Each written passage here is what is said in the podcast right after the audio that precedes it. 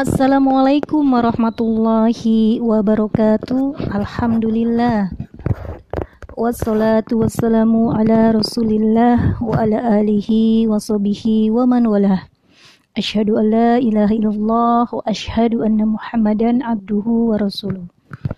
Kaifa halukunna soleha ya murid-murid soleha ibu guru yang ada di halako khususnya halako kelas 11 B.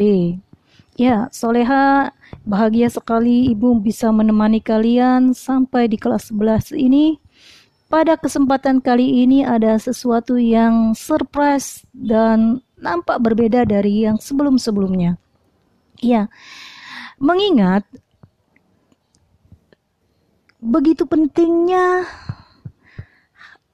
makharijul huruf ini yang setidaknya kalian walaupun kalian disibukkan dengan menghafal tapi kalian sangat urgent untuk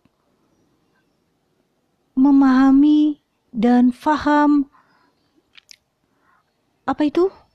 Makharijul huruf itu. Sehingga saat kalian menghafal Al-Qur'an maka huruf-huruf yang keluar dari kalian pun itu sesuai dengan hak dan mustahaknya huruf. Sesuai dengan haknya huruf. Jadi kalian ya, Ibu ajak pada sesi kali ini untuk lebih faham lagi. Bahasan ini tidak akan panjang kali lebar kali tinggi ya Soleha. Tapi bahasan ini tentunya hanya sekadar mengingatkan ingatan sedikit demi sedikit yang insya Allah lama-lama jadi bukit. bukit ya, itu ini aja ya apa slogan atau istilah yang selalu kita uh, mungkin dari SD ya sedikit-sedikit lama-lama jadi bukit. Khusus untuk kebaikan juga ya. Tapi ingat sedikit-sedikit lama-lama jadi bukit, eh ngeri juga kalau pada konteksnya apa? Yang kita kumpulin sedikit-sedikit itu maksiat nauzubillah ya. Ah kita berundung soleha jadi yang kita kumpulkan sedikit demi sedikit ini yang lama-lama jadi bukit itu dalam artian kita belajar makharijul hurufnya yang lebih mengenal lagi ya. Sebenarnya kalian sudah ibu kenalkan sebelum-sebelumnya ya tapi ilmu itu semakin kita ulang, semakin kita melekat di kita. Ya, baik Soleha. Pada bahasan kali ini kita masih mengenal makhorijul huruf ya, tempat keluarnya huruf. Apa itu? Kita tahap pertama yaitu kita mengenal, mengenal al-jauf. Apa? Al-jauf. Ya, betul al-jauf Soleha. Ya. Ini pemahaman kita tentang al-jauf, apa saja huruf-hurufnya, dan bagaimana cara pengucapannya. Nah, tentunya ini sangat urgent sekali buat kita. Ya, apa itu al-jauf? Yaitu tempat keluarnya huruf hijaiyah, tentu hijaiyah ya, yang terletak pada rongga mulut. Rongga mulut tuh mana sih? Dan rongga tenggorokan ya kalian mulutnya setiap kita punya rongga ya. Dan huruf yang terletak pada rongga mulut itu namanya al jauf ya. Al jauf ya. Apa saja hurufnya Ya, baik. Apa saja hurufnya? Kita sudah mengenal dan sudah hafal. Tapi kadang lupa itu namanya ya. Tahu orangnya, tapi nggak tahu namanya. Waduh, sakit hati banget kita ya kalau digituin. Ah, aku kenal dia, tapi nggak tahu namanya lupa. Ah, kita lumayan mengenal ya. Apa saja al-jauf itu? Yaitu ada alif. Ya. Pada alif dalam pada alif dan sebelumnya ada huruf yang di fathah ya. Yang sebelumnya ada huruf yang di fathah maksudnya huruf yang berarokat fathah. Awamala. Nah seperti itu. Ya. Alif. Kemudian ada waw. Wawnya waw mati.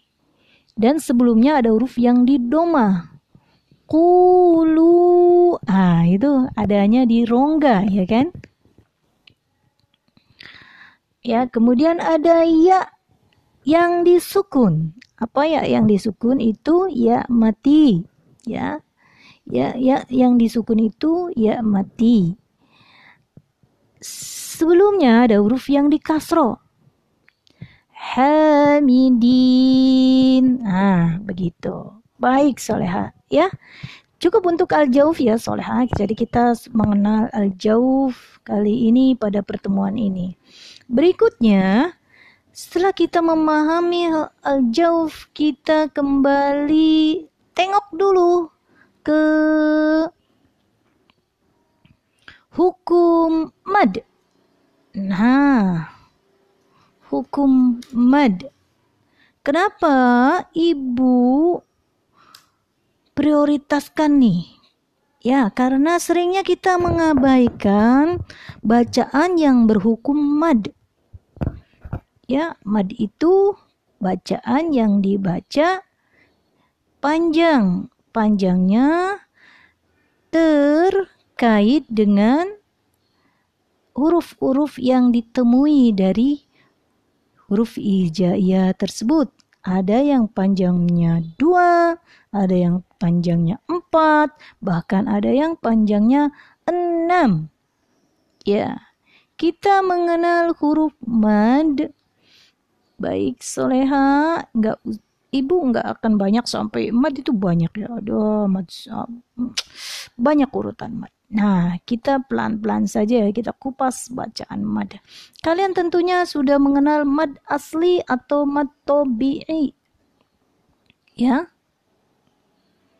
mad asli atau mad tobi dan mad ini paling banyak di Al-Quran ya paling banyak dan juga paling sering kita abaikan kenapa? Ya kadang kita nggak dibaca panjang nggak dibaca sesuai haknya. Kadang juga dibaca terlalu panjang ya. Maka dari itu kita sebagai penuntut ilmu belajar membaca Al-Quran dengan tartil dan benar ya kayak ya. baik soleha. Kita mengenal mad itu mad asli atau mad tobi'i ya. Pada mad yang dibaca panjangnya dua. Betul. Dua ketukan. Ya. Mat tobi atau mat biasa dibaca panjangnya sekitar dua harokat atau dua ketukan. Jadi kalian sebenarnya sudah tahu nih, cuman prakteknya sering dilewatkan. Ya, oke. Jadi banyak sekali di Al-Quran yang kita baca itu, ya, matobi itu. Ya, contohnya misalnya iya. Nah, iya karena budu. Nah, kemudian aja juga alladzina ya. Alladzina nah, ya. Dina itu mad asli yang berkasroh. Kemudian ada ghairil maghdubi dubi ya itu mad asli dubi. Jadi bagi yang merasa kalau mad itu cuman halif saja ya salah besar.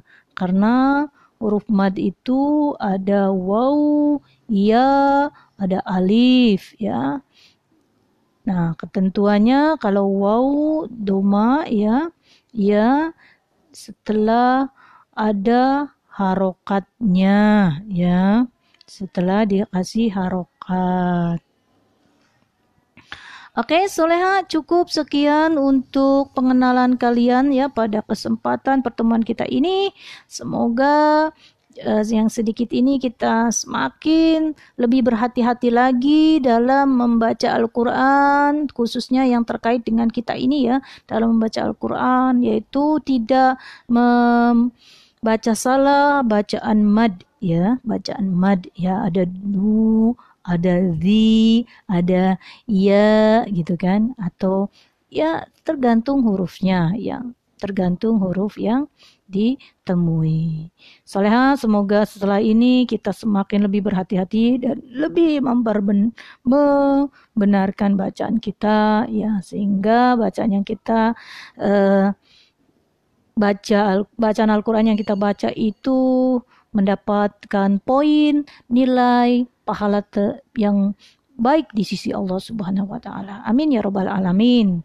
Baik Soleha, uh, jangan lupa rekaman video, rekaman bukan video, rekaman suaranya, yang hafalannya silakan dikirimkan ke ke grup ya Soleha. Dan jangan lupa juga absen di sini ya. Baik Soleha, Assalamualaikum warahmatullahi wabarakatuh.